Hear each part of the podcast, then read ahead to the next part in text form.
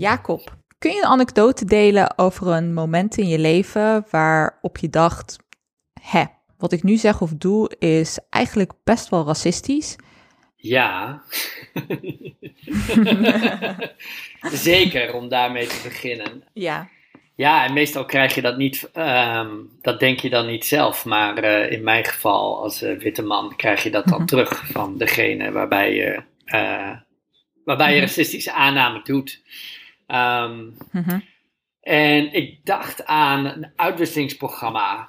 Eh, Ik heb, eh, ik heb in 2001 ehm, ben ik onderdeel geweest van Humanity in Action. Dat is een uitwisselingsprogramma tussen Amerika en Denemarken en Nederland was dat toen, drie landen. En daar zat ik samen in een team, superleuk, met een eh, Joods-Amerikaanse jongen. Ik denk Mhm. ik was 24 of zo en hij 21. En ik kan me nog een moment herinneren dat we op het terras zaten en eh, dat we het kregen over ja, Joods zijn, Joodse mensen. En ik denk dat ik, Ja. ik, denk dat ik een opmerking maakte van, ehm, maar jij ziet er toch niet Joods uit. en Ah. ja, die ja. werd toen even aangevinkt. Zo van, hé, hey, maar eh, hè, wat denk je dan dat je, hoe Joodse mensen eruit zien? En ik, ik, kom, eh, ik ben opgegroeid in Groningen. waar je niet, ook niet heel veel Jood, Nederlandse Joodse mensen hebben. Dus het was eigenlijk mijn eerste ja, betere kennismaking eigenlijk überhaupt. Met mensen die zichzelf als Joods identificeren. En dat is wel Mhm. direct een, eh, later een hele goede vriend eh, geworden. Maar we hadden daar toen toch een heel stevig gesprek over. Dat ik, eh, dat je eigenlijk, dat ik eigenlijk, ja natuurlijk, dat je de stereotypen die je wel geleerd had in school, als die je niet moest hebben, dat die toch hun effect niet hadden gemist. En dat je, ja, dat die toch ook in jouw hoofd zaten met hoe Joodse mensen eruit zouden zien. Al, dat je die zou kunnen herkennen. En dan moet ik nu zelf, ja, als je aan terugdenkt, denk je van ja, op dat moment snap ik het wel. Eh, maar als ik weer terugdenk, ja, nu woon ik in een stad met, ik geloof, in grote New York wonen 5 miljoen eh, Joden. Van allerlei Ja. werelddelen. En je weet je wel, en ik heb er ook heel vaak Joodse Amerikaanse studenten in mijn klas zitten. Ehm, ja, dus nu zou je dat niet meer. Maar ja, toen wel. Dat- en dat je toch, ja, dat je gewoon, ehm, ja, dat dat, dat dat erin zit. En hij, en hij eh, confronteerde me mee. Hij hield me daar een spiegel voor. Weet je nog hoe je je toen voelde toen dat gebeurde?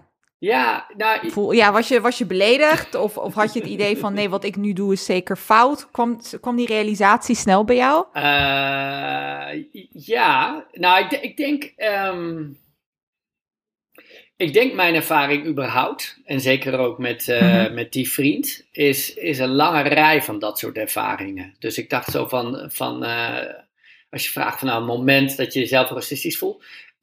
In mijn ervaring, dat is ook mijn ervaring, tien jaar werken, eh, tien jaar werken en wonen in New York, waar ik veel meer contact heb, veel meer samenwerk met mensen van kleur dat eigenlijk met mensen waar ik een goede relatie mee ontwikkel, dat het een continu proces is van worden geconfronteerd met Ja. eh, Ja. ja, hoe racisme ehm, in jouw denken zit. Hè? En in jouw denken eh, vroeger en in jouw eh, ideeën over landen en culturen en de wereld en de politiek. Ehm, en, en dat dat dus een continu gespreksonderwerp moet zijn, dat voor de ander, vaak mensen van kleur, vrij vermoeiend is. En wat je dan een beetje minder vermoeiend kan maken door er in ieder geval niet defensief op te reageren. Maar ik ben er zelf eigenlijk wel altijd. ehm, ja, het heeft mij wel heel erg geleerd. Iets wat ik natuurlijk ook, eh, ook eh, studie, ja, hoe breed eh, racisme is. Hè? Dus hoe het, in alle haarvaarten van je denken en zijn zit. Hè? Dus hoe subtiel het kan zijn en soms is het niet zo subtiel. Kijk, dat ik die Joodse vriend niet vond voldoen aan een stereotype. Dat is niet zo heel subtiel racisme, maar er zijn ehm, ja, vele andere subtiele manieren van racisme, wat je als normaal, eh, wat je als gewoon ziet. Hè, dat probleem van eh, dat, dat je hele, ja, wat normaal is, is gedefinieerd door, je, door je witte blik, hè, door je mannelijke blik soms Ik ook. vind het, eh, ik vind het heel bijzonder, Jacob, hoe je zeg maar deze anekdote deelt, maar dat je ook zeg maar ervoor uitkomt dat dat op een gegeven moment ja, een, een, een soort van racistische manier van denken was die je had. Uh, en, en dat je dus eigenlijk zegt van ik ben me ervan bewust dat ik deze ideeën heb meegekregen. En op het moment zelf was mijn intentie niet zozeer om racistisch te zijn, of in ieder geval uh, racistische opmerkingen te maken. Uh, maar de, ja, de gesprekspartner of degene aan wie het gericht was, heeft mij er toen op gewezen dat het racistisch was. En ik heb dat toen tot me genomen en, en, en oh, erover nagedacht en ook zeg maar mijn visie aangepast. Mm. En wat, wat je soms ziet is dat wanneer we een gesprek over racisme hebben, uh, dat mensen het zich heel erg persoonlijk aantrekken en helemaal niet uh, ja, van een racist of, of beticht willen worden van racisme of als een racist gezien willen worden. Uh, maar wat je dus eigenlijk zegt is, het is soms noodzakelijk om dat bewustzijn te hebben en om soms aan jezelf en aan anderen toe te geven van wat ik nu doe is racistisch, om ja, zeg maar realisatiemomentje te hebben en, en je gedrag op daarna te kunnen veranderen. Um, maar dat is, uh, ja, uh, dankjewel voor het delen van, uh, van deze anekdote. Ja, en weet je, weet je ook wat het is? naarmate je daar dus meer over leert, um, mm-hmm. hoor je het ook heel veel van anderen. Ik heb natuurlijk heel veel vrienden die niet van kleur zijn, of die niet de hele dag met racisme bezig zijn, of zich niet zo met de politiek überhaupt bezighouden. Um, ja, ja, dan hoor je continu uh, opmerkingen van familie en vrienden. En, en dan zie je ook eigenlijk elke keer die keus. Die natuurlijk mensen van kleur veel meer confronteren, maar die jij op een gegeven moment ook hebt van hè, wanneer ga je het. Wanneer ga je het benoemen? Wanneer ga je het spiegelen? Wanneer ga je er een punt van maken? Hè, dat, uh, ja. ja. dat, is een, dat is een dagtaak natuurlijk. Precies. Maar daar gaan we het in deze aflevering uitgebreid over hebben.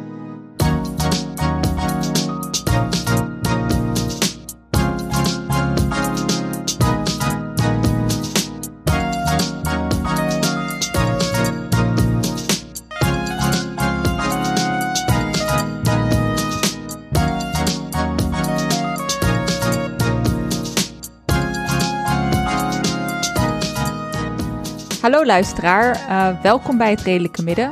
De podcast die waarschijnlijk niet wordt beluisterd door de leden van het Rutger Bregman fandom. Ik ben het Vara en zoals je net al gehoord hebt zit ik hier vandaag niet alleen. Ik ben hier met niemand minder dan Jacob Boersema. Jacob is socioloog en geeft les aan NYU, New York University.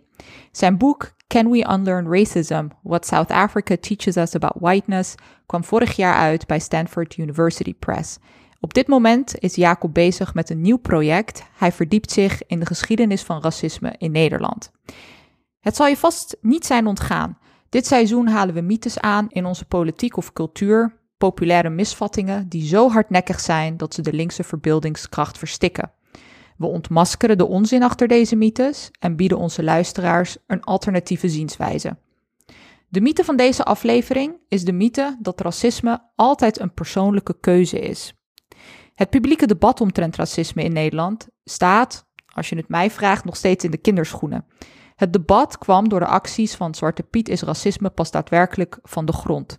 Dat terwijl academici en activisten het racisme in Nederland al veel eerder hadden aangekaart. In de afgelopen jaren heeft het racisme-debat geleid tot discussies over het Nederlandse koloniale verleden en structureel racisme. In plaats van dat we samen nadenken over hoe we deze racistische koloniale fundamenten, waarop ons gedachtegoed over de wereld, culturen en mensen is gestoeld, kunnen bestrijden en vervangen, richt men zich in het publieke debat in Nederland nog steeds en nog altijd op de vraag of we überhaupt van racisme kunnen spreken. Dit gesprek ligt dan ook uiterst gevoelig bij een groot deel van de bevolking. Ondanks de verschillende percepties die er bestaan omtrent de ernst van racisme en wat het nou precies inhoudt, lijken de meeste mensen het er toch wel over eens dat racisme moreel verwerpelijk is. Weinig mensen willen ervan beticht worden een racist te zijn of zouden toe willen geven dat ze racistische ideeën hebben. Maar als we allemaal gevormd zijn door het koloniaal nalatenschap, in hoeverre is het dan productief om van racisme een persoonlijk probleem te maken? Met andere woorden, is racisme altijd een persoonlijke keuze? Het bespreken van deze mythe doe ik vandaag niet alleen. Mijn gesprekspartner is, zoals jullie hebben gehoord, Jacob Boersma. Maar voordat we ons thema induiken, nog eventjes een huishoudelijke mededeling. Wij maken deze podcast met ontzettend veel plezier en hopen dat jij er ook veel plezier aan beleeft. Als dat zo is, dan kun je ons steunen via vriend van de show slash HRM. Voor 3 euro per maand word je kameraad van de podcast en krijg je toegang tot leuke extra's. Bonusafleveringen, de maandelijkse livestreams en onze Discord vol memes en kattenplaatjes. En je kunt live meeluisteren tijdens de opnames, zodat je kunt horen wat de aflevering allemaal niet haalt. En dat dus voor maar 3 euro per maand. Eenmalig iets geven kan ook, als je dat prettiger vindt. En dat kan dus allemaal via vriend van de show slash HRM. En als je niets kunt missen, dan is dat ook helemaal oké. Je kunt ons helpen door je vrienden, familie, collega's en mensen met wie je op de bus staat te wachten over ons te vertellen. Maak van je kennis een kameraad. Like, subscribe en deel op je socials en je kringverjaardag, want meestal heb je toch niks beters te vertellen. En dat betekent ontzettend veel voor ons. We hebben net, zoals jullie hoorden, uh, het vandaag over racisme. En ik ga eigenlijk gelijk met de deur in huis vallen, Jacob, en jou vragen: um, zouden we racisme eventjes kunnen definiëren voor de luisteraar? Kan je even met een. Je bent toch academicus? Kan je even met een definitie komen?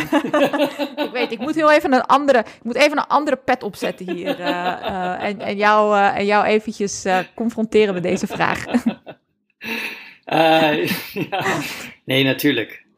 is dat wel mogelijk, want daar schrijf ik veel over. maar ik denk eigenlijk dat het voor de luisteraar um, ook wel interessant is om een beetje de geschiedenis van racisme te horen. Zeg maar, het concept racisme, waar het eigenlijk vandaan komt. Want voor veel mensen is het een verrassing um, als ze horen dat het eigenlijk een vrij nieuw uh, concept is. En met nieuw, dat als historicus natuurlijk, uh, uit de jaren 30. Um, is het eigenlijk door een Duitser uh, ontdekt. Ik ben even zijn naam ontschoten, maar het werd eigenlijk populair in Amerika in de jaren, eind jaren 30, begin jaren 40, met een woord, racisme, om aan te geven wat de nazi's um, in Duitsland uh, deden. Dus eigenlijk de antisemitische wetten. En dat is natuurlijk fascinerend, want je zou denken, we, we associëren vaak het woord racisme heel erg met Amerika. Uh, maar het, komt, uh, ja. het, het, het, werd hier populair om, om het Duitse beleid te beschrijven, wat natuurlijk best wel absurd is. Ja, want je had heel veel racisme Um, natuurlijk ook in, in uh, Nederland, of in, in, Nederland en in Amerika. En Amerikanen hadden natuurlijk vaak over het probleem van, du, du Bois noemt het in 1900 the problem of the color line. Maar hij gebruikt niet het woord racisme. Dat is interessant om. Uh, uh, du Bois is de eerste zwarte socioloog in Amerika die een PhD krijgt in Harvard. En heel veel over het rassenprobleem heeft geschreven, maar dus niet bijvoorbeeld heel lang het woord racisme gebruikt. De meeste van zijn teksten zijn voor de Tweede Wereldoorlog. Um, en als je dan kijkt naar hoe die vroege mensen dat gebruiken, dan gebruiken ze dus eigenlijk racisme ook ja, als een synoniem voor antisemitisme, wat ook alweer apart is om het zo. Nou, oh, ja, we joden niet gewoon over rassen. En nu associëren we racisme heel erg met, met zwart en wit. Hè? Zeg maar met anti-zwart racisme. Um, en dus, dus het woord zelf heeft een uh, curieus uh, begin. Maar het wordt toch heel populair na de Tweede Wereldoorlog om uh, te hebben over het probleem van rassen. Hè, van hoe, uh, wat het probleem is met de, term ras en uh, white supremacy. Maar dan krijg je eigenlijk eerst een heel raar iets dat het vooral in de, in de wetenschap door mensen als Gordon Alport, een bekende psycholoog, wordt het heel individueel gezien. Als een, als wordt, het wordt eigenlijk vernauwd tot een vooroordeel. Dus racisme als een vooroordeel die we in ons hoofd hebben en die we zouden moeten kunnen afleren. Um, dus, dus heel, uh, ja, racisme als individueel probleem van individuele mensen. En je krijgt dan in de jaren zestig een hele tegenreactie die zegt van ja, racisme, uh, natuurlijk zit dat in mensen en we hebben heel, het zijn heel veel voordelen over zwarte mensen en over Joden en over Native Americans en heel veel groepen. Maar het probleem natuurlijk van racisme is dat het al heel oud is en dat het daardoor heel erg in het systeem zit. Dus dan krijg je mensen rondom de Black Power beweging, zo Stokely Carmichael, die gebruiken dan voor het eerst, geloof ik in 1967, het woord institutioneel racisme om aan te geven dat het voorbij de individu gaat. Dat het niet alleen om voordelen gaat, maar dat het gaat om een uh, maatschappelijke orde of een maatschappelijk systeem dat heel erg mensen en groepen mensen benadeelt. Ja, hij gebruikt daar een fantastisch voorbeeld in zijn boek, uh, wat ik iedereen kan aanraden, uh, um, die hij samen met een politicoloog geschreven heeft. En dan zegt hij, dan zegt hij het volgende, dan zegt hij, um, was geschreven vlak na de aanslag in Birmingham op een zwarte kerk. En daarbij komen een aantal jonge kinderen om. En hij zegt van nou, die aanslag heeft vier jonge kinderen uh, vermoord. Dat is individueel racisme. Dat is haat die leidt tot geweld uh, en direct. Maar, zegt hij, als je nou naar Birmingham kijkt en hoe de zwarte mensen hier leven. En als je dan bedenkt dat elk jaar 500 kinderen omkomen van gebrek aan schoon drinkwater en armoede. Dat is institutioneel mm. racisme. Dus aan de hand van een heel hmm. concreet voorbeeld legt hij uit van nou, dit is individueel racisme. En zo kunnen we institutioneel racisme zien. En wat hij ook direct aangeeft in dat voorbeeld, dat institutioneel racisme heel veel slachtoffers maakt. dat de manier waarop het systeem uh, in elkaar zit. Um, dus dat, dat is uh, individueel institutioneel racisme. En, en daarna eigenlijk in de jaren 70, 80 krijg je mensen als James Baldwin, uh, schrijver als Toni Morrison die beginnen ook over uh, witheid uh, te praten, whiteness. Um, James Baldwin, die kennen mensen misschien het meest. En nou ja, wat ik eigenlijk, dat vind ik ook heel inspirerend om over uh, racisme te denken als iets wat te maken heeft natuurlijk met witte mensen en zwarte mensen. Dus in mijn eigen werk definieer ik het heel erg als racisme iets wat te maken heeft met pro-wit. Dus hoe witte mensen denken over zichzelf. En ook natuurlijk, en in het geval van Zuid-Afrika eh, specifiek, anti-zwart. Dus hoe mensen voordelen hebben over zwarte mensen. Dus eigenlijk hoe pro-wit, anti-zwart met elkaar zich verhoudt. Zo definieer ik racisme in mijn eigen uh, werk. Oh, dat is echt ontzettend interessant en ook heel goed om, om zo'n overzicht historisch ja, zeg maar, voor je te hebben wanneer we, wanneer we deze of dit gesprek zo, zo aangaan omdat een van de grote vragen die ik uh, ook best wel altijd een beetje had in mijn hoofd was. Want we spreken natuurlijk over antisemitisme heel vaak in Nederland. Um, en daar lijkt. Uh, daar, daar, dat, dat zouden we ook nog kunnen bediscussiëren. Um, daar lijkt een soort van goed idee te bestaan van wat dat dan precies inhoudt. Uh, en bij racisme is dat toch iets uh, wat, wat nog onduidelijk is, wat, wat ambiguur moet, uh, zou ik willen zeggen. Uh, en dus het is heel goed en interessant hoe jij ehm, eigenlijk aangeeft dat die twee best wel samenhangen. En dat is natuurlijk ook best wel logisch als we over nadenken van hoe antisemitisme ontstaan is en dat daar ook een raciaal component in zit. Ik bedoel het woord semitisme. Um, dus, maar het feit zeg maar dat we vandaag de dag, zeg maar, um, wanneer we over racisme praten in Nederland, dat er niet echt een consensus is. Jij denkt over racisme vanuit de wetenschap en je bent natuurlijk socioloog. Uh, maar wanneer je zeg maar zo naar het publieke debat in Nederland kijkt, zie jij dat racisme uh, een, een concept is of een idee is in Nederland wat dat niet goed gedefinieerd is, of dat, dat er heel veel onzekerheid en onwetendheid bestaat over het onderwerp?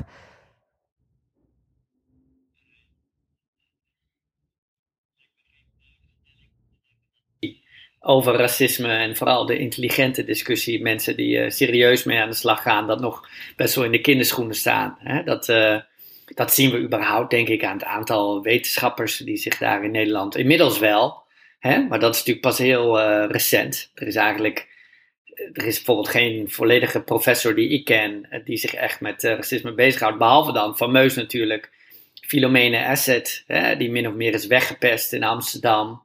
Um, en Gloria Wekker, die, die, eh, fantastisch is, maar ook al wel best wel uh, wat ouder.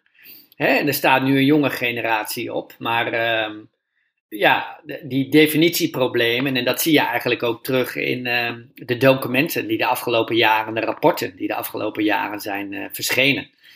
Hè, het College van de Rechten van de Mens heeft een rapport over institutioneel racisme. En nou, dat kan je gewoon lezen en dan eh, dan kijk je van waar, waar verwijzen ze naar? Kennen ze de literatuur? En ik denk dat die mensen heel serieus werk doen. Maar uh, er kan wel veel meer expertise uh, bij. Wat denk ik ook interessant is, hè, hoe, dat, hoe dat werkt. Want uh, de minister zelf van Engelshoven, die wou een nieuw expertisecentrum.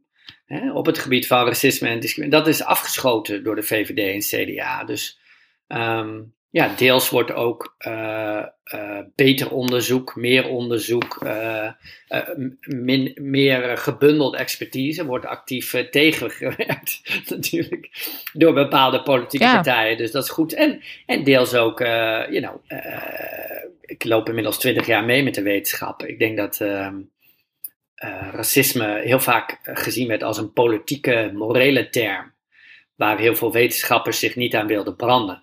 En dat is natuurlijk inmiddels veranderd, maar dat is goed om je te herinneren hoe dat ging. Een fameus voorbeeld, uh, Universiteit van Amsterdam, hè, Centrum voor het onderzoek van race and ethnicity in de jaren, eind jaren 80 en 90. En dat is na vijf jaar de, de, nek omgedraaid. en toen... Ja, want je, want je, verwees net, je verwees net Jacob naar Philomena Asset. Mm. en ik, in de intro heb ik ook al gezegd van, alhoewel Zwarte Pieters racisme het echt het racisme-debat op de kaart heeft gezet. En het wat, wat breder heeft getrokken, of in ieder geval een breder publiek heeft bereikt, uh, moeten we natuurlijk niet vergeten dat er al heel veel mensen in Nederland zich, of nou niet veel mensen, maar dat er ook mensen waren die zich bezig hielden met racisme en, en het onderzoek naar racisme. En Assad is een van de eerste die echt een, eh, een boek hierover geschreven heeft, toch? Zou je wat meer kunnen vertellen over, want je zei net ook dat ze is weggepest uit Amsterdam. Misschien laat dat ook wel zien uh, hoe dit debat, of in ieder geval de ideeën hierover al wel in Nederland bestonden, maar dat het klimaat heel anders was. Um, en, en dat daardoor zeg maar um, dat, dat racisme-debat eigenlijk een beetje in de kiem werd gesmoord. Ja, dat, dat, is, uh, dat vind ik sowieso een goede, uh, weet je wel, sociologische vraag ook. Want je denkt van waarom is dat debat, mm -hmm. waarom is het debat nu doorgebroken? Hè? Waarom was dat uh, ja. het, uh, de briljante actievoerders? Die, en die waren zeker briljant, denk ik. Ik denk dat hun slogan Zwarte Piet is racisme hadden ze lang over nagedacht. Super strategisch. Uh, maar je zou het ook institutioneel kunnen verklaren en denken van hé, hey, er is al heel lang in Nederland um, het onderzoek naar racisme tegengewerkt, institutioneel. En Philomena Asset en haar verhaal is daar een, voorbeeld van. Um, in, de introductie van mijn boek begin ik daarover, want uh, op het moment dat ik begin hè, als AIO aan de Universiteit van Amsterdam, als assistent in opleiding, als PhD-student heette dat toen, uh, op, de, op de, de bijeenkomst waar ik word geïntroduceerd, neemt Philomena Asset afscheid van de Universiteit van Amsterdam. Met een, met een, ja, wat ik toch moeilijk anders kon interpreteren als een heel bitter uh, praatje. Was, daar was iemand aan het woord die boos was op de universiteit. En, en toen snapte ik dat helemaal niet, maar nu snap ik dat eigenlijk heel erg goed. Ja. Uh, omdat zij, haar werk is totaal niet uh, serieus genomen. Dat kan je ook in alle Nederlandse kranten uh, nalezen. Hè? Ze, werd, ze werd uitgelachen, weggelachen. Um, haar methodes werden ter discussie gesteld.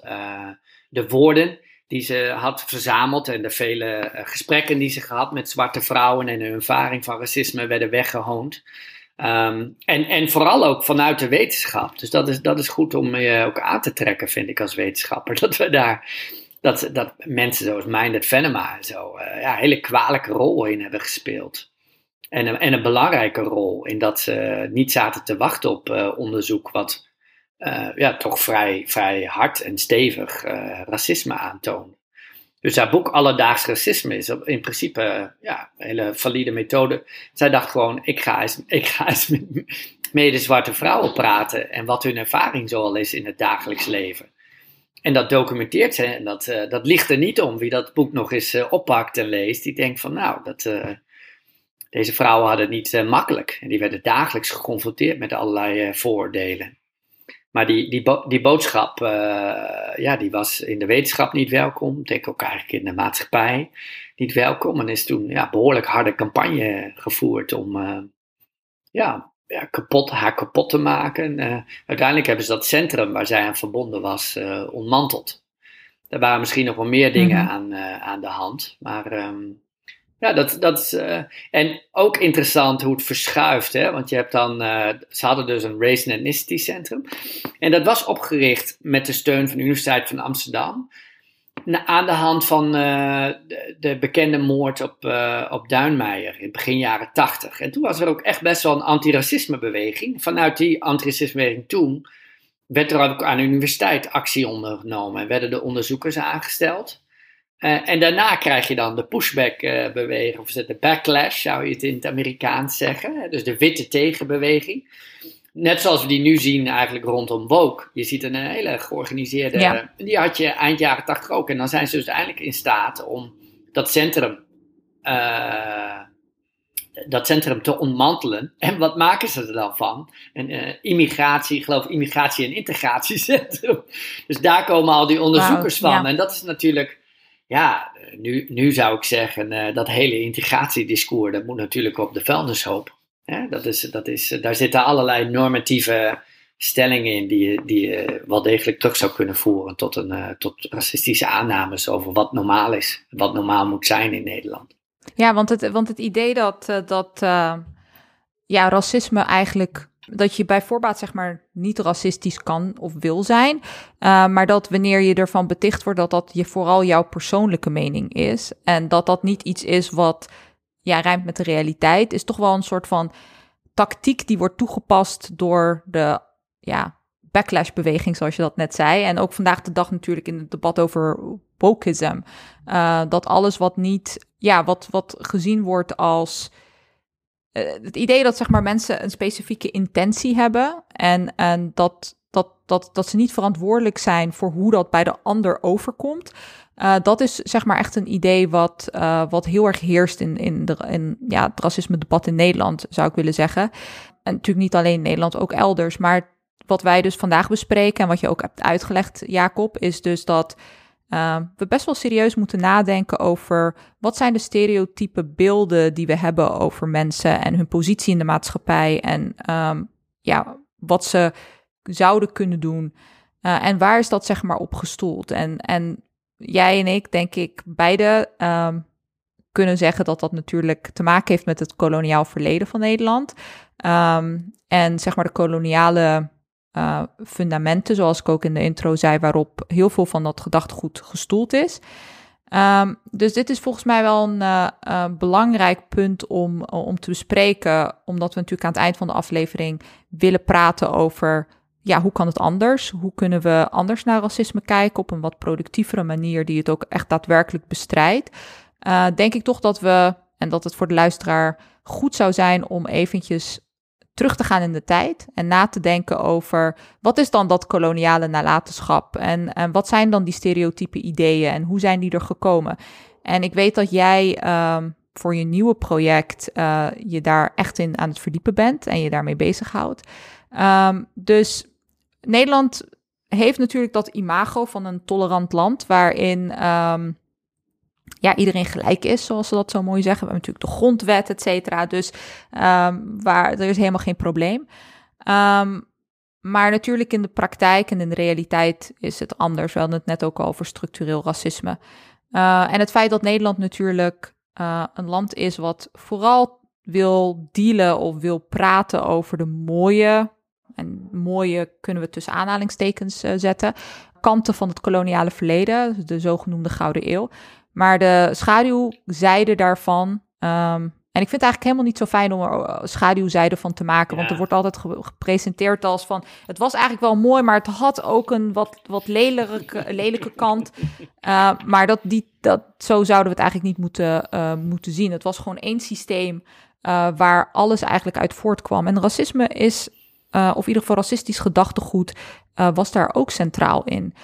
Ja, als we zeg maar een bepaald moment willen kiezen waarop racisme in Nederland, of in ieder geval racistisch gedachtegoed in Nederland werd geïntroduceerd of uh, werd geformuleerd. Uh, heb jij een, een, een bepaald idee over wanneer dat dan zou kunnen zijn?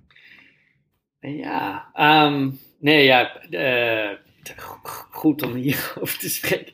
Ja, de, de, de, de, ehm, het zelfbeeld van Nederland, dat is natuurlijk ja, daar, zit, daar zitten wel problemen bij elk land trouwens hoor. Ik denk dat het zelf. Maar ik wil wel zeggen, Jacob, je zegt wel zelfbeeld, maar jij, wij beiden wonen in de VS. Ja. Als ik hier met, de, met een persoon op straat ja. over Nederland praat, is dit ook wel het beeld wat zij over Nederland hebben. Dus het is, niet, het is echt ook niet alleen het zelfbeeld ja. van Nederland, maar het is ook het beeld imago. wat heel succesvol is. Imago. Ja, een heel succesvol imago. Ik denk, kijk, ik denk dat de afgelopen decades, kan je, kan je denk wel zeggen, Nederland heeft natuurlijk op bepaald specifieke gebieden uh, is het uh, tolerant. Als er gisteren nog mijn studenten over drugs, Nederlands drugsbeleid, het Nederlands prostitutiebeleid. Um, ik denk de Nederlandse omgang met seksualiteit heel anders dan in Amerika. Um, en, en, mensen die wel eens in, in, Nederland zijn geweest, of die, die, die, noemen daarom Nederland tolerant. Hè? En dat is ook wel, uh, dat, ja, dat merk je gewoon. Ik ben ook met Amerikanen wel eens naar het Nederlands strand geweest vroeger. Ja, dat, dat, was een ervaring voor hun om dat, om dat zo uh, mee te maken.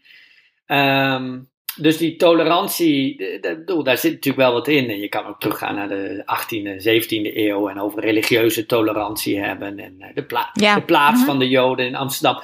daar, zit, daar zit heel veel in. Maar ehm, de grap is natuurlijk, en dit is een shout-out naar Gloria Wekker. Hè, dat dat idee van uh, Nederland gidsland, Nederland uh, tolerant land ook zich uitstrekte over het idee van kolonialisme. En eigenlijk ook over het idee van racisme. Dus je ziet zelfs ook in de wetenschappelijke literatuur het idee dat de Nederlanders in Indonesië zogenaamd beter bezig waren dan de Fransen en de Engelsen. Maar ja, als je het vergelijkt met de andere koloniale merken, dat is natuurlijk lekker makkelijk. Hè? Want zo van, oh, ja, ja, als ik mijn genocide met de Duitsers ga vergelijken, dan kom ik er misschien ook goed van af. Hè? Maar um, we kunnen natuurlijk beter ons focussen op het daadwerkelijke geweld. Uh, en, en de daadwerkelijke um, ellende die is veroorzaakt door de mix van kolonialisme en racisme, ook door de, juist ook door de Nederlanders. En, en dat is gewoon, uh, ja, en dat gebeurt natuurlijk aan alle kanten. Ik bedoel, daar ben ik zeker niet de enige in die uh, daarmee bezig is. Hè. Ik denk ook aan al die stukken over, ja, wat dan vaak genoemd wordt vergeten geschiedenis. Hè. Het werk van de Black Archives, Mitchell Isaias en Jessica Dabreu. Um, ja, dat is het. Maar waar ik mezelf, waar ik zelf heel erg op focus, wat ik, waar, waar ik heel erg benieuwd naar was, eigenlijk gewoon van hoe, hoe Nederlandse denkers, bekende Nederlandse denkers, dachten over ras en racisme. Expliciet.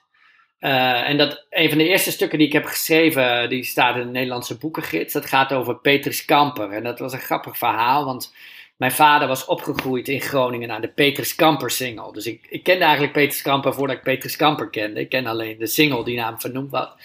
En die is naam vernoemd omdat hij, uh, die Petrus Kamper single loopt naast het Academisch Ziekenhuis in Groningen.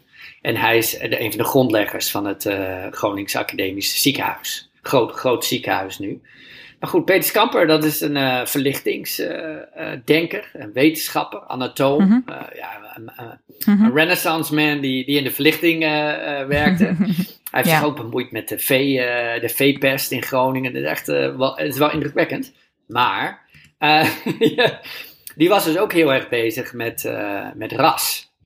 En uh, wat, wat is eigenlijk die zwarte kleur die we zo aantreffen uh, in onze koloniale gebieden? Hij had heel goed contact met mensen aan de Kaap de Goede Hoop. Uh, soms waren dat ex-studenten van hem die daar dokter waren. Uh, maar vaak ook met notabelen. Hij was zelf ook een uh, notabele. En, en, en uh, ik weet niet of hij eigenlijk van adel was. Maar hij was volgens mij adel getrouwd via zijn vrouw en daarom wel rijk. Maar goed, had heel veel contact met de koloniale gebieden. En hij behoorde bij een groep wetenschappers in Frankrijk en in Duitsland. Die bezig waren eigenlijk de mensheid voor het eerst categorisch in te delen. Er hoorde ook Immanuel Kant, iets, iets voor zijn tijd. Linnaeus natuurlijk een voorloper. En dat was dus eigenlijk, eh, ja, zij waren bezig zo, oké, wat, wat, uh, hoe moeten we nou mensen in Afrika begrijpen? Is het één categorie of zijn het meerdere categorieën? Hoe moeten we mensen in Indonesië begrijpen? Hè? Waar passen die uh, binnen? En, en, en daar lijkt me een goed punt om te beginnen met na te denken over racisme bij het ontstaan, het wetenschappelijk ontstaan van die categorieën. Deels is dat heel fascinerend, die geschiedenis, omdat ze ook bezig waren de scheidslijn tussen mens en dier.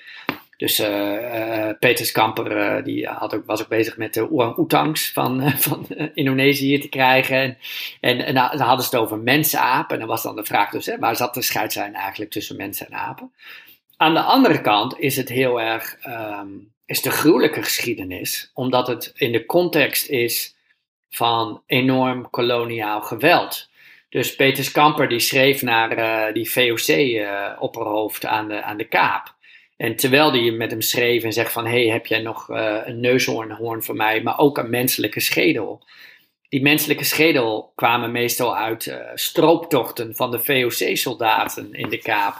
En wat tegenwoordig heel veel mensen ook zien als uiteindelijk een, een soort genocide op de Khoisan. Dus die, dat uh, kolonialisme onder aanleiding van Jan van Riebeck, dat leep uit eigenlijk op een enorme moordpartij op de Khoisan. Dus, dus de, de, ja, dat onderzoek van de racisten, dat zit diep verweven met, met het koloniale geweld in de koloniale gebieden. En, en gewoon met uh, de vraag hoe besturen we die gebieden, wie woont daar eigenlijk, uh, hoe overheersen we die, wat weten we daarvan.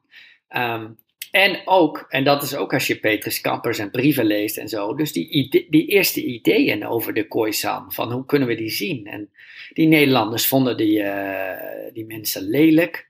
Uh, ze vonden ze onrein. Ze vonden ze nauwelijks menselijk, omdat ze uh, niet religieus waren, zoals de Nederlanders. En uiteindelijk vonden ze ze ook massaal lui. En dat gebruikten ze dan als voorwaarde om, om het land in te pikken en vervolgens de mensen van het land te verdrijven. Hè, omdat ze het land niet zouden gebruiken, omdat ze lui waren, zou het legitiem zijn om voor de VOC om boerderijen op te zetten. En, dus, dus je ziet dat, ja, dat racisme en kolonialisme vanaf dag één, zeg maar, bij het koloniale rijk hand in hand gaat. En, en dat zie je dan ook veranderen door de tijd. Dat is dan weer een andere vraag. Maar laat ik hier beginnen. Wat ik, wat ik ook nog zat te denken van. Um, um, want er is best wel een vraag. Hè? Een vraag van was racisme nodig voor kolonialisme? Of, uh, ja, ja, en je ziet eigenlijk mhm. ook in de Nederlandse geschiedenis, als je kijkt naar de, de gruwelijke slagpartij op Banda, hè, een eiland waar ze no nootmuskaat groeiden. En dat de Nederlanders wouden overnemen van de Portugezen, geloof ik. Um, nou ja, toen waren er nog geen, in 1621 waren er nog geen raciale categorieën, nog geen wetenschappelijk racisme. Dus je ziet eigenlijk dat kolonialisme was ook al voor een soort racisme. Uh, gewelddadig aan de andere kant. Ik heb het niet onderzocht, maar ik neem aan dat de Nederlanders de mensen van Banda ook niet heel positief zagen. Hè? Of in ieder geval niet, want ze, daar, daar, is uh, door JP Koens en zijn kameraden massaal, ja. massaal uh, gemoord. Hè? Dat is, daar is bijna Zeker. de hele groep. dus. En dit is ook natuurlijk de periode waarin Nederland natuurlijk ook wel ehm, deelnam aan de wereldwijde slavenhandel. Ja. Dus uh, het feit dat zeg maar racisme, zoals we dat vandaag de dag kennen, dat de, de, de klassificaties zoals je dat zei, die duidelijk zijn en, en, en bes, duidelijk beschreven uh, zijn, um, die bestaan natuurlijk echt vanaf zeg maar de renaissance en de verlichting. Maar daarvoor waren er natuurlijk uh, ja, ideeën die, um, die, die we nu in, in zeg maar retrospect, zoals we dat zeggen, als racistisch kunnen bestempelen. Uh, want het, ja, om, om wat je ook net zegt, hè, het, het innemen van een ander land of het, het veroveren van een ander land, uh, het bezit afpakken van andere, andere mensen tot slaaf maken. Daar zit ook een, een, een daar zit een idee van superioriteit achter. Dat jij dat recht hebt om dat te doen. En dat de ander minderwaardig is. Um, dus die klassificatie, of denken in termen van klassificatie, is natuurlijk niet nieuw in de geschiedenis. Dat is er altijd wel uh, geweest. Maar de implicaties daarvan en hoe dat samenhangt met macht en wat er dan ook daadwerkelijk gedaan kan worden, dat, heeft, dat is natuurlijk door de geschiedenis um, ja, anders geweest of uh, heeft, heeft zich op andere manieren uh, geuit.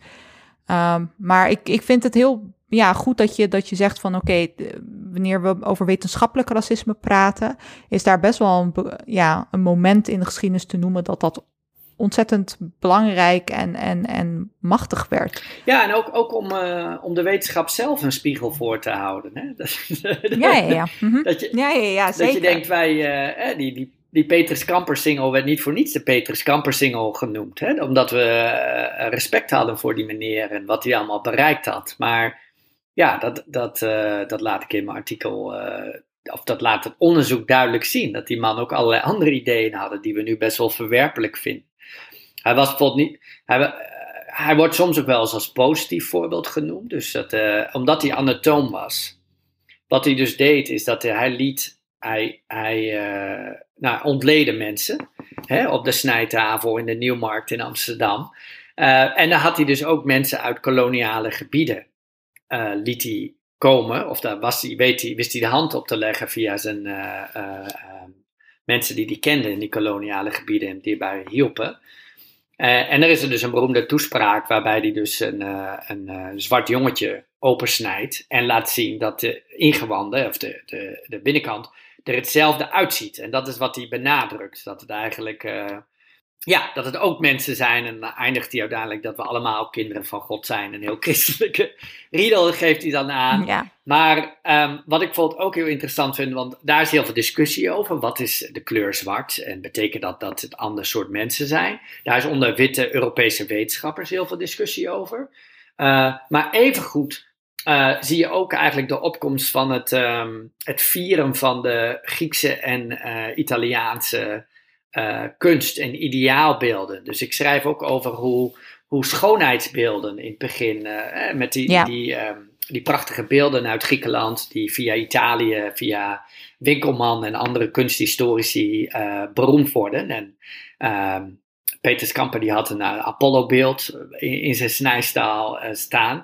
Maar dat idee dus dat, en daar komt, dat laat de histori historica Neil Painter heel mooi zien, Um, daar komt witheid als ideaal vandaan. Dus dat komt uit de Griekse en Italiaanse. Dus daar zie je eigenlijk tegelijk als wetenschappers bezig zijn met van wat is zwart en hoe kun je dat zien. Zie je eigenlijk ook van wat is schoonheid. En dat wordt dan verward met witheid.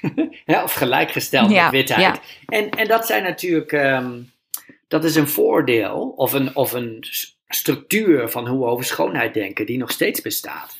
En, en dat vind ik echt, um, ja, dat, ja, jij bent, ik ben socioloog slash historicus, maar ik vind het zelfs schokkend. Dat is die beelden 250 jaar geleden die ideeën vorm hebben gekregen en nog steeds zo invloedrijk zijn.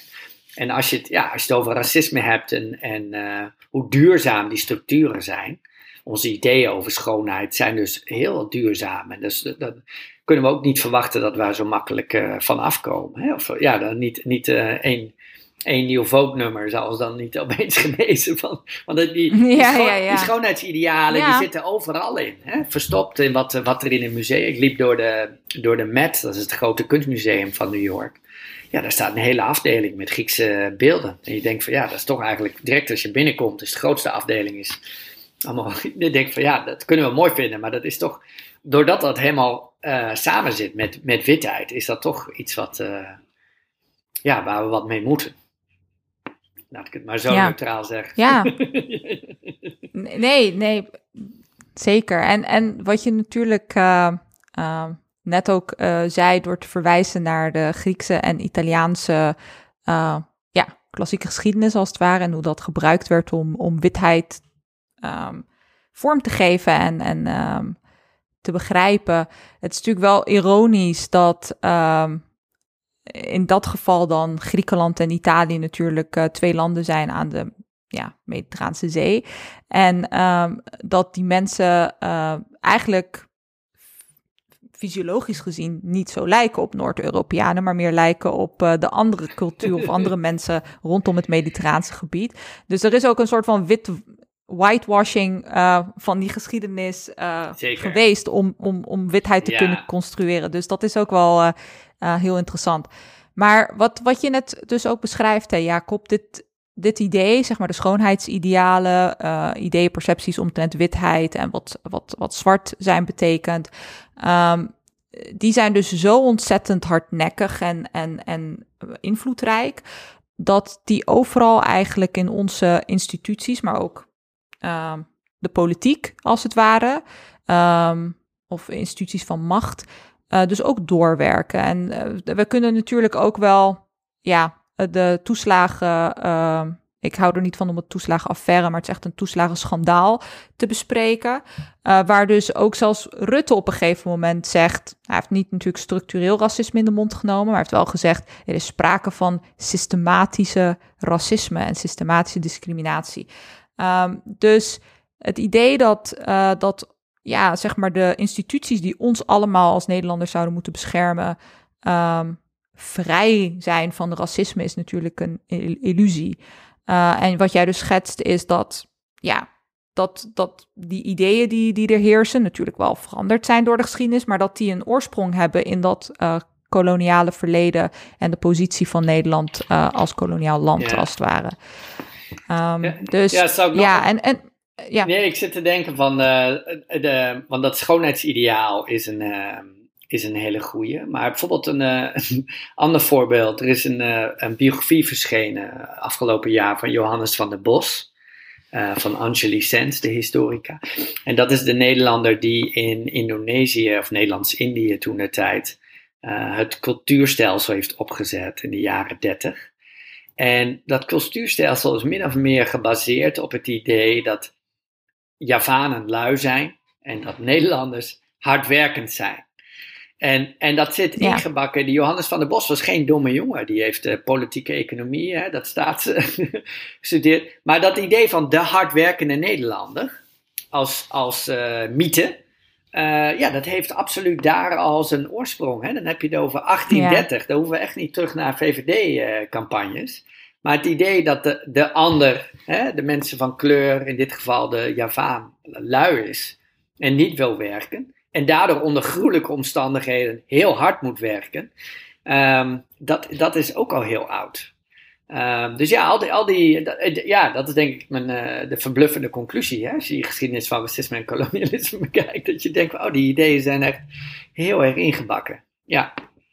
Ja, en, maar dat, dat, ja, dat, dat brengt me dus dan ook bij uh, een hele uh, intrigerende quote uit, uh, uit je boek. En ik wil de luisteraar ook echt aanraden om, om het boek te lezen. Um, ik noemde het al aan het begin in de, in, de, in de introductie, maar het boek Can We Unlearn Racism? What South Africa Teaches Us About Whiteness is een boek wat vorig jaar verscheen en Jacob geschreven heeft naar aanleiding van zijn onderzoek in Zuid-Afrika. En in dat boek, Jacob, schrijf je dat ehm, het afleren van racisme een gevaarlijk idee is.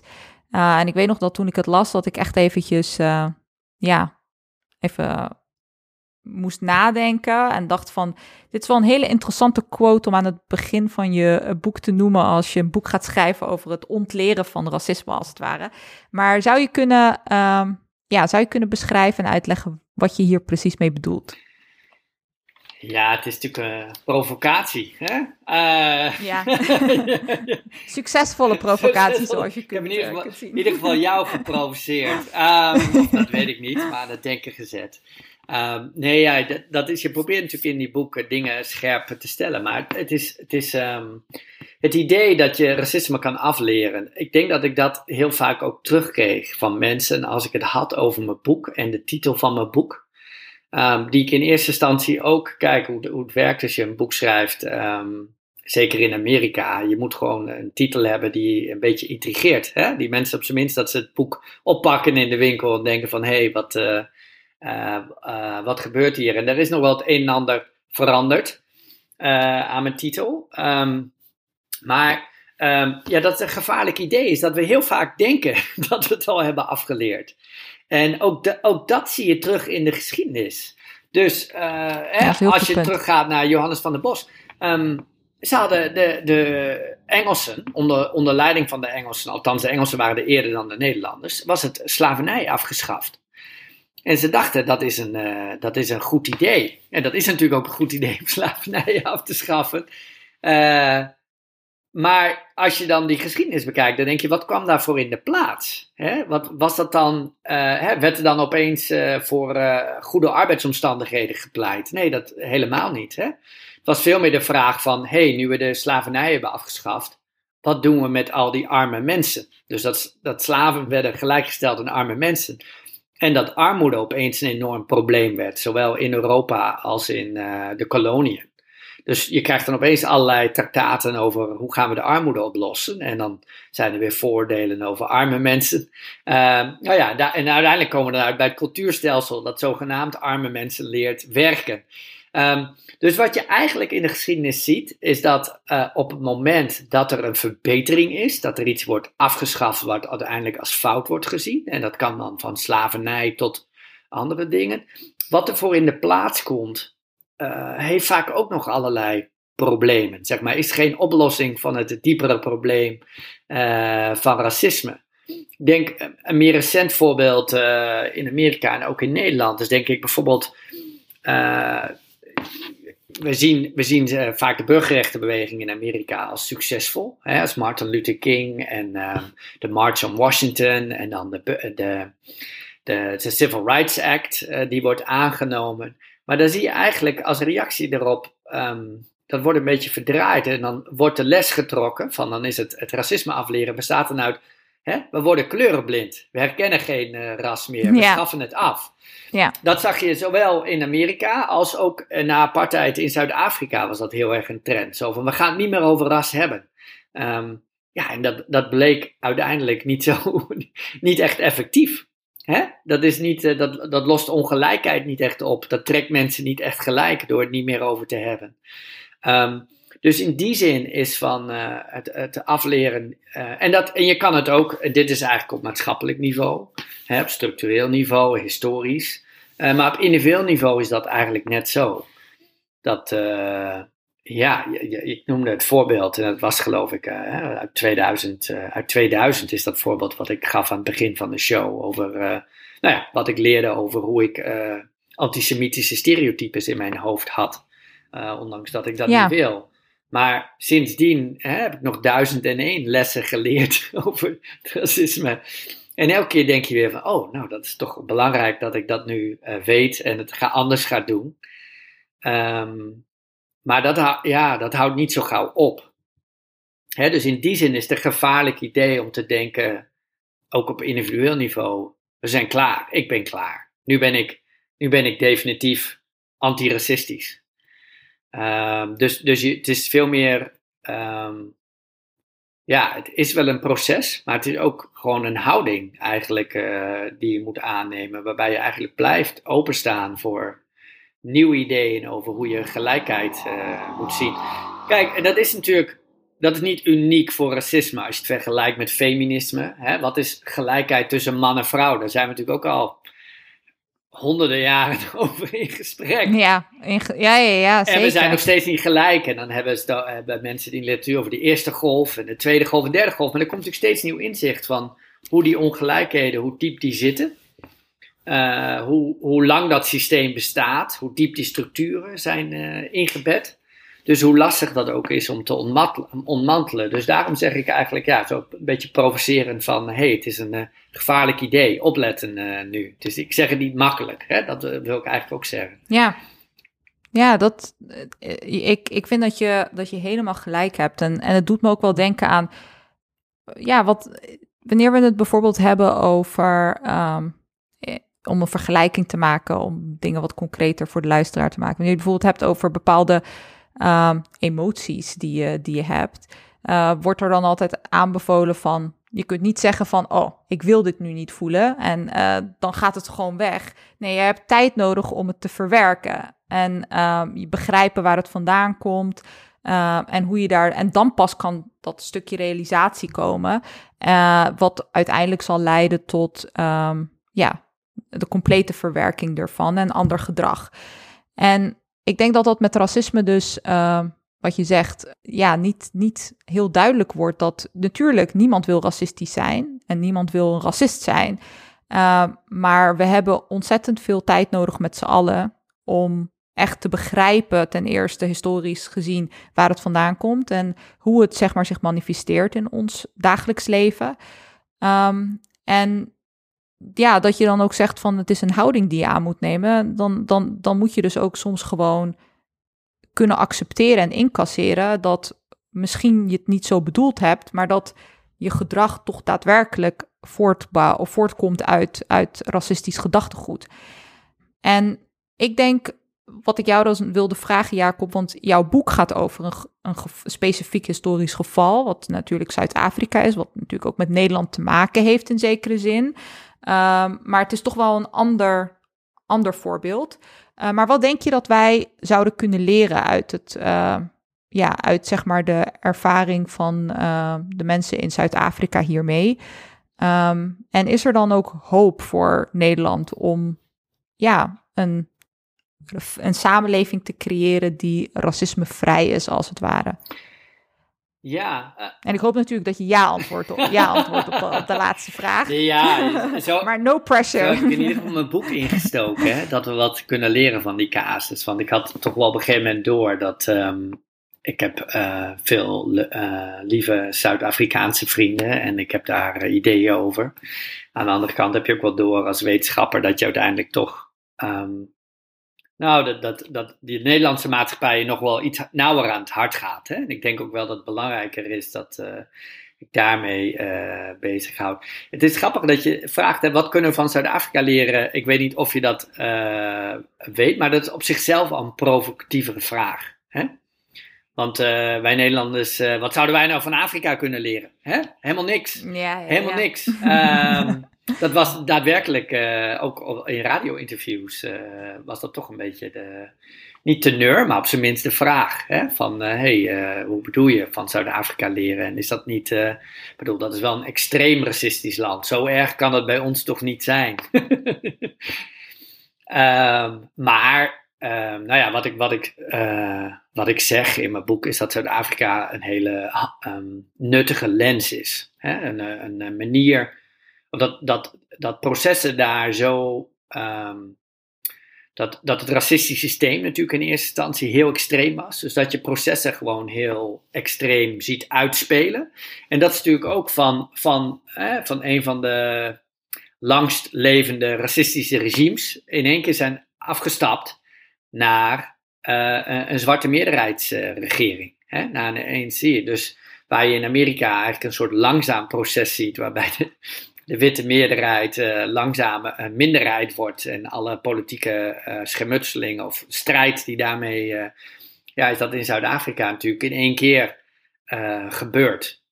Dus daardoor leek me het interessant om daar naar te kijken. En um, wat ik ook denk, of wat ik wel zeker weet, bijvoorbeeld rechts Nederland, vorm van democratie, daar is ook een Zuid-Afrikaanse, Simone die zit, staat ja, ja, de enige vrouw, geloof ik nog, die in de Kamer zit, ook voor hun. Maar natuurlijk ook uh, Martin Bosman, die uh, zeer goed naar Zuid-Afrika kijkt. Wat mij wel verbaasd heeft, want uh, toen ik mijn studie begon, ja, wist ik dat nog niet, dat heel veel ideeën die rechts, extreem rechtse partijen in Zuid-Afrika hadden bedacht na apartheid, om opnieuw, zeg maar, hun witte privileges te verdedigen en de witte groep te verdedigen, zijn gekopieerd. Uh, uh, dus uh, in Zuid-Afrika, toen ik daar was met mijn veldwerk, hadden ze het over white genocide, witte genocide. En toen, ik dacht natuurlijk, wat een extreem idee. En nu hebben we het al twee jaar ja. over de Great Replacement.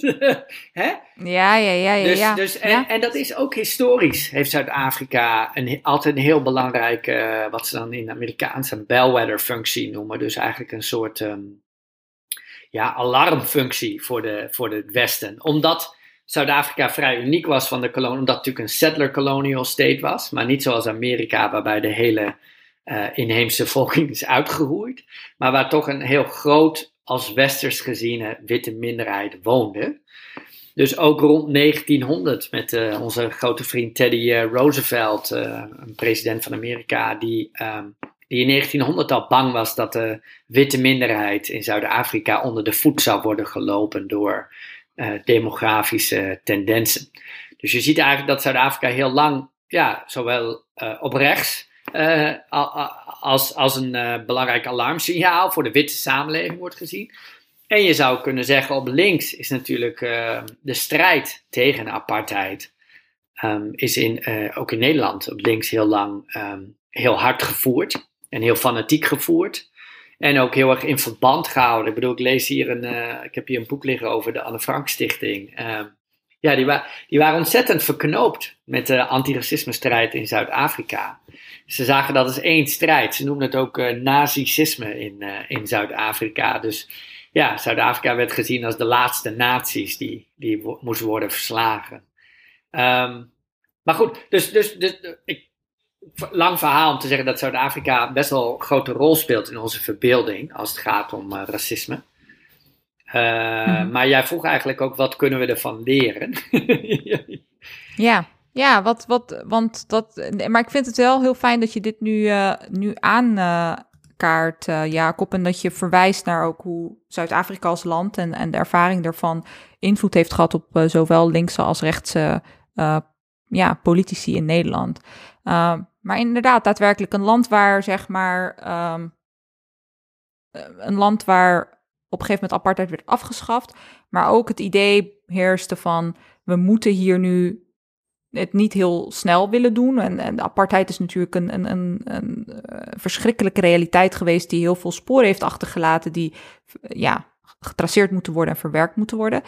Um, maar uit die ervaring zelf um, en het afleren van, van, van racisme, wat zeg maar de, de, het doel was ervan. Uh, wat, wat zouden wij daar concreet in Nederland uh, van kunnen leren? Nou ja, wat ik, wat ik um, wat, wat wel interessant was aan Zuid-Afrika, wat ook in Nederland denk ik een breed gedeeld sentiment is, het idee van mensen van, racistisch, van racisme beschuldigen is niet altijd het meest effectieve instrument om racisme af te leren.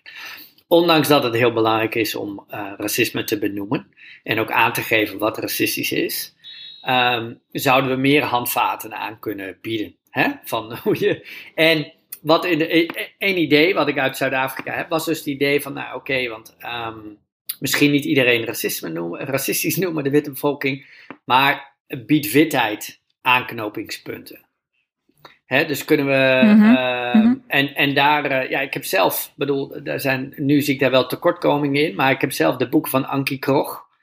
Um, Change of Tongue, verandering van tongval. Uh, is een prachtig boek waarbij ze eigenlijk zichzelf afvraagt: hoe, hoezeer moet ik veranderen? Hoe diep, hoe diep zit. hoe diep zit in mijn vezels dat, dat witheid? Hoe diep zit in het vezels dat Afrikanerschap? Uh, het zit in mijn taal, het zit in mijn doen en laten, het zit in mijn familiegeschiedenis, het zit in de verhalen die ik vertel, het zit in mijn relaties. Um, dus dat idee van ontleren heb ik best wel uh, van haar ontleend.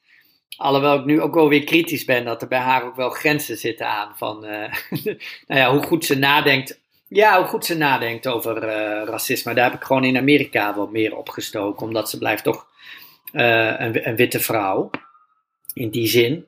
Um, maar wat, wat je dan ziet, en, en dit is misschien wat we van Nederland kunnen leren, en ook eigenlijk die eerdere vraag van het gevaar. Ik denk dat we in Nederland ook in een nieuwe fase zitten. Ik denk dat Nederland vroeger een beetje kleurenblind was. Hè. Ze wou niet over ras hebben, niet over rascategorieën. De succes van de Zwarte Piet uh, is racismebeweging is natuurlijk dat uh, mensen zoals ik, maar ook heel andere mensen gaan nadenken over wat betekent het om wit te zijn. Hè, wat, uh, wat moeten we daarmee? Maar er is natuurlijk ook een hele groep die dat nog steeds heel vervelend vindt. maar zich inmiddels ja, wel, ja. ook de mensen die niet heel hard racisme willen aanpakken, zijn er toch bewust van geworden dat ze wit zijn. Dus wat je dan ziet, en dit is wat ik beschrijf in Zuid-Afrika, maar ik denk het is eigenlijk heel goed toe te passen op Nederland, uh, een nieuwe vorm van wat ik noem witte identiteitspolitiek. En dat laat heel goed zien, witte identiteitspolitiek laat zien dus hoe racisme zich elke keer weer vernieuwt. Dus waar we, uh, we zijn bewogen van kleurenblind racisme, dat we dus niemand over ras mogen hebben en niet mogen benoemen, en zwart en wit. Uh, hè. Uh, Frank Boeien, denk niet wit, denk niet zwart, denk in de kleur van je hart. Wat een bekende, bekend nummer was, ja, uh, 20 ja, ja, jaar geleden. Ja. Um, nu zijn we beland bij een andere fase, waarbij je eigenlijk mensen, de witte groep, ziet positioneren, nieuwe manieren vindt om de witte groep wel te benoemen, maar ook weer opnieuw te verdedigen. Dus in Zuid-Afrika hadden ze het bijvoorbeeld over uh, minderheidsrechten. Wat natuurlijk een idee is over, dat hadden ze gepikt uit Amerika. En dat in Amerika en ook wel bij de VN gebruikt werd voor marginale groepen, dus groepen zonder macht, groepen zonder uh, politieke inspraak. En die moesten dan met speciale rechten worden beschermd. Dat is een vrij oud idee, minderheidsrechten, althans een idee uit de jaren 60 en 70. En die witte minderheid, of een aantal actiegroepen daarbinnen, die hadden het slim idee van: hé, hey, uh, demografisch zijn wij ook een minderheid. Wij willen ook minderheidsrechten, ondanks dat wij wel degelijk veel economische macht hebben en ook nog wel inspraak en in de media en in het bedrijfsleven eigenlijk nog heel erg oververtegenwoordigd zijn. Um, dus wat je ziet eigenlijk is dat, uh, ja, dat termen die vroeger door antiracisten werden gebruikt, nu, zoals iets van minderheidsrechten, nu gebruikt worden om de witte groep uh, te verdedigen, te beschermen. In, um, in Nederland uh, heb je een hoogleraar uh, die werkt in Berlijn, Ruud Koopmans. nou, ook bekend, want hij heeft ook een boek over de islam geschreven. ja, ja, Daar kunnen we het een andere keer over hebben. Maar die is nu ook bezig met een boek waar hij het dan heeft over meerderheidsrechten. Wat ook wel weer fascinerend is. En het idee is dan min of meer dat een meerderheid in een land ook speciale rechten heeft, omdat ze de meerderheid zijn. Dus dat zou dan in Nederland betekenen, omdat witte mensen de meerderheid zijn, zou die speciale rechten moeten hebben. Bijvoorbeeld op een cultuur, bescherming van een cultuur en een taal. En wat natuurlijk uh, botst met het uh, liberale idee, dat we uh, ja, meer gelijk zijn. Dus, dus wat, je er, ja, wat je ervan leert, uh, ja, dat, dat racisme is ook steeds vernieuwd. Dat is niet zo'n positieve uh, boodschap. Dat kan, kan ook nog wel wat positiefs noemen als je wil. Maar uh, eigenlijk uit te leggen wat ik geleerd heb over racisme zich vernieuwt. Ja, Nee, maar het is, het is belangrijk om, om ons daarvan bewust te zijn. Zeker als, we, als de ambitie en het doel is om racisme af te leren. ja, dat we ook weten van het is iets wat verandert en, en muteert als het ware in de samenleving. Um, en um, wat ik ook nog uh, zat te denken, Jacob, en ik denk ook dat dat de reden is waarom racisme-debat zo controversieel is en gevoelig ligt. Uh, wanneer je echt racisme wil ontleren en het systeem wil ontmantelen van structureel racisme, is daar natuurlijk ook op een gegeven moment ja, komt dan ook de realisatie dat er ook offers gebracht moeten worden. Um, en um, dat is denk ik waar, um, ja, waar de crux eigenlijk zit. Uh, omdat ja, we in een kapitalistische wereld leven waar uh, macht uh, verdeeld is op een bepaalde manier. En voor, voornamelijk zeg maar in economische termen. -hmm. dus wanneer we het gaan hebben over het ontmantelen van structureel racisme, moet er dan ook ja, niet uh, bewust worden van hoe dat structureel racisme ook ongelijkheid mm. heeft gecreëerd. Uh, en hoe we dat kunnen rechttrekken. Um, en ik denk dat dat ja, een van de grotere opgaves zal zijn in dit proces van uh, ja, het ontleren van racisme. Maar om daar te komen is het denk ik belangrijk en voor deze aflevering natuurlijk cruciaal geweest om te bespreken dat ja, bewustzijn de eerste stap is richting uh, het creëren van een daadwerkelijk gelijkwaardig systeem waarin iedereen in het land gelijk is en dat huidskleur en je afkomst daar geen rol in meer kan en mag spelen. Um, ja. Ja, ja, ik, ik zit. Um, nou, over het verband tussen racisme en kapitalisme zou je bijna een, uh, een eigen aflevering moeten maken, zou je zeggen. Hè? Ja, ja, ja. En, nee, en, ook, en, ook, daar is de geschiedenis uh, ja, heel lang. Hè? Daar wordt nu heel veel onderzoek naar gedaan. Um, racial capitalism hebben dan mensen het over Cedric Robinson, dat soort figuren die nu heel erg worden gebruikt door heel veel wetenschappers om die, om die uh, vervlechtheid van kapitalisme. En ook daar zou Nederland hè, nog heel veel werk kunnen voldoen. En, maar, maar kunnen we dan uh, afspreken, Jacob, dat jij uh, weer een keer in onze podcast komt om daar specifiek over te praten, over racisme en kapitalisme? Nee, wat... Want ik denk dat dat ook een heel ontzettend belangrijke discussie is.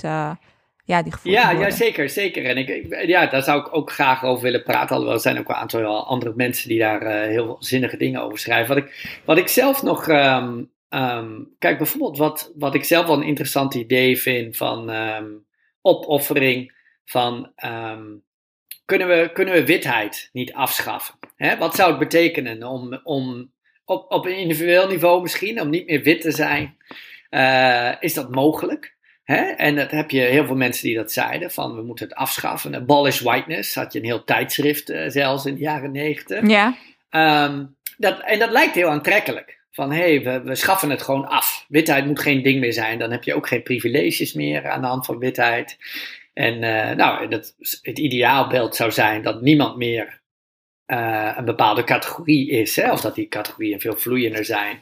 Um, het probleem daarmee is wel dat als je witheid afschaft als categorie, vind ik, dat je ook niet meer goed kan onderzoeken of zien hoe witheid verweven zit nog met heel veel dingen. Dat is een beetje mijn punt altijd. Dat bijvoorbeeld hoe het Nederlanderschap verweven zit met witheid. Hè? Als, als we Nederlander zeggen, dan komen er bepaalde beelden op. Die ook weer ingevuld zijn mhm. met witheid. Dus gaan we witheid helemaal afschaffen, dan wordt dat een probleem om aan te zien. Uh, dat is ook met de politiek uh, zo. Dan kunnen we ook niet meer benoemen, misschien, hoe de politiek ongelijk is. Dus uh, witheid afschaffen is niet zo makkelijk. En dan zou je denken van, nou oké, dan moet witheid veranderen. Weet je wel, ook, ook een logisch idee. En dat ben ik natuurlijk helemaal voor. Uh, maar dan krijg je ook een raar verhaal. Dat je denkt van, ja, op een gegeven moment krijg je dan goed witheid. Hè? Ja, je bent goed, goed wit. Dat is natuurlijk ook, op zijn minst, het klinkt al vreemd. Hè? Dat je bent, oh, je bent een goed, goed wit persoon. Um, dat lijkt toch dan weer of we een soort wit identiteitspolitiek doen, waarbij de wit als slachtoffer wordt gepositioneerd, of de wit als een nieuw minderheid, of als iets wat we moeten helpen. Dus wat ik wel, uh, nou ja, wat, waar ik in mijn eind van mijn boek heel erg mee worstel, is dus wat, wat moeten we uh, met witheid? En ik denk heel erg dat we, en daarom ja, heb ik uiteindelijk ook besloten om dan historisch te gaan kijken. We moeten dat witheid historisch ontrafelen. Hè? We moeten ideeën over Nederlanderschap, uh, hoe we de economie organiseren en hoe die ook historisch is georganiseerd. Hè? Denk aan gastarbeiders, maar denk ook aan koloniale gebieden en ga maar verder. Uh, moeten we eerst scherp hebben hoe dat allemaal een beetje toch zo gekomen is. Um, en dan moeten we uh, constructieve voorstellen hebben over te ontrafelen. We zijn er net een beetje bezig mee hè, in Nederland met de slavernij, uh, herstelbetalingen.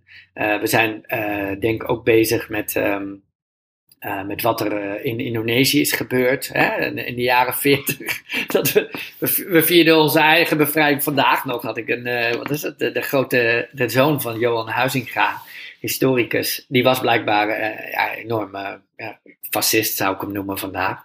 Maar die zat al tijdens de oorlog te fantaseren hoe Nederland weer Indonesië zou heroveren op de Japanen. En de Indonesiërs als een, als een kind uh, bij de vaderlijke hand zou nemen om ze de beschaving binnen te trekken. Dus dat je denkt, oh, we waren nog niet bevrijd door de Amerikanen en de Canadezen. We, vierden ons niet nog ons omruchtig vrijheidsfeest of we we maakten al plannen om, uh, om de vrijheid af te nemen van, een andere, van miljoenen andere mensen.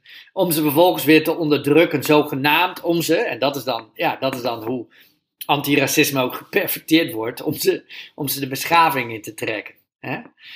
Ja, dus, dus, dus uh, ja, dat ontrafelen van witheid, ontrafelen van die geschiedenis van uh, racisme, dat, dat lijkt me een belangrijke stap waar we nu voor staan. En dat gebeurt natuurlijk door heel veel mensen en daar draag ik zelf ook graag een steentje bij. Ja, Jacob, eh, dat, dat is een hele mooie noot uh, waar we uh, de aflevering op kunnen eindigen. Want ik kijk echt ontzettend uit naar, naar je nieuwe werk. En ik denk als de luisteraar ja, deze aflevering beluisterd heeft, dat, dat die dat ook waarschijnlijk denken. Voor het einde nog eventjes de redelijke midden van deze week. En die komt uit onze Discord van Davy. Rutger Bregman en Rob Wijnberg starten een podcast om te praten over wokeism. Ze nodigen goede gasten uit, maar laten ze alleen niet aan het woord. Met de HRM van de week komen we dus aan het eind van de aflevering. Jacob, ontzettend bedankt uh, voor alle mooie en echt interessante inzichten. Ik heb echt ontzettend veel geleerd. Dat had ik ook al uh, tegen je gezegd aan het begin. Uh, ik keek ontzettend uit naar deze aflevering. En ja, zeker ook op zelf dingen te leren. Ik wil uh, tenslotte ook nog uh, de luisteraars feliciteren die het einde van de aflevering gehaald hebben. You did it, dankjewel. als je de bronnen uit deze aflevering wilt raadplegen, of de dingen die Jacob en ik genoemd hebben, dan kun je ze terugvinden in de show notes op onze website, hetredelijkemidden.nl. En mocht je nou bijzonder genoten hebben van deze aflevering, deel hem dan vooral met andere mensen in je omgeving. Zoals ik aan het begin van de aflevering zei, je kunt ons ook voor 3 euro per maand op een of een eenmalige donatie steunen via vriend van de show slash redelijke midden. Als je meer van ons wilt zien en horen, dan kun je ons ook volgen op de socials. Op zowel Twitter als Instagram zijn we te vinden onder de naam Redelijke Midden, aan elkaar geschreven en zonder spatie dus. Je kunt onze hosts ook individueel op Twitter en Instagram volgen. Mij kun je volgen op @fara en Bazzi op zowel Instagram als Twitter. Onze gast voor vandaag, Jacob Boersema, kun je ook op Twitter volgen via Jacob Boersema. En ik raad het je vooral aan om te doen, want hij deelt soms hele interessante inzichten en werk. Uh, en zeker ook dit, uh, zeg maar, werk uh, met betrekking tot dit nieuwe project. Ten slotte, we maken deze aflevering voor jullie, de luisteraars.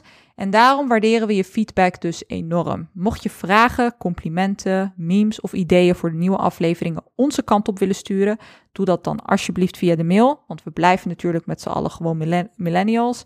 Ons e-mailadres is hetredelijkemidden@gmail.com. En dan komen we nu echt daadwerkelijk aan het einde. Bedankt voor het luisteren en uh, tot de volgende keer. Joep. Bedankt, Dankjewel, Jacob.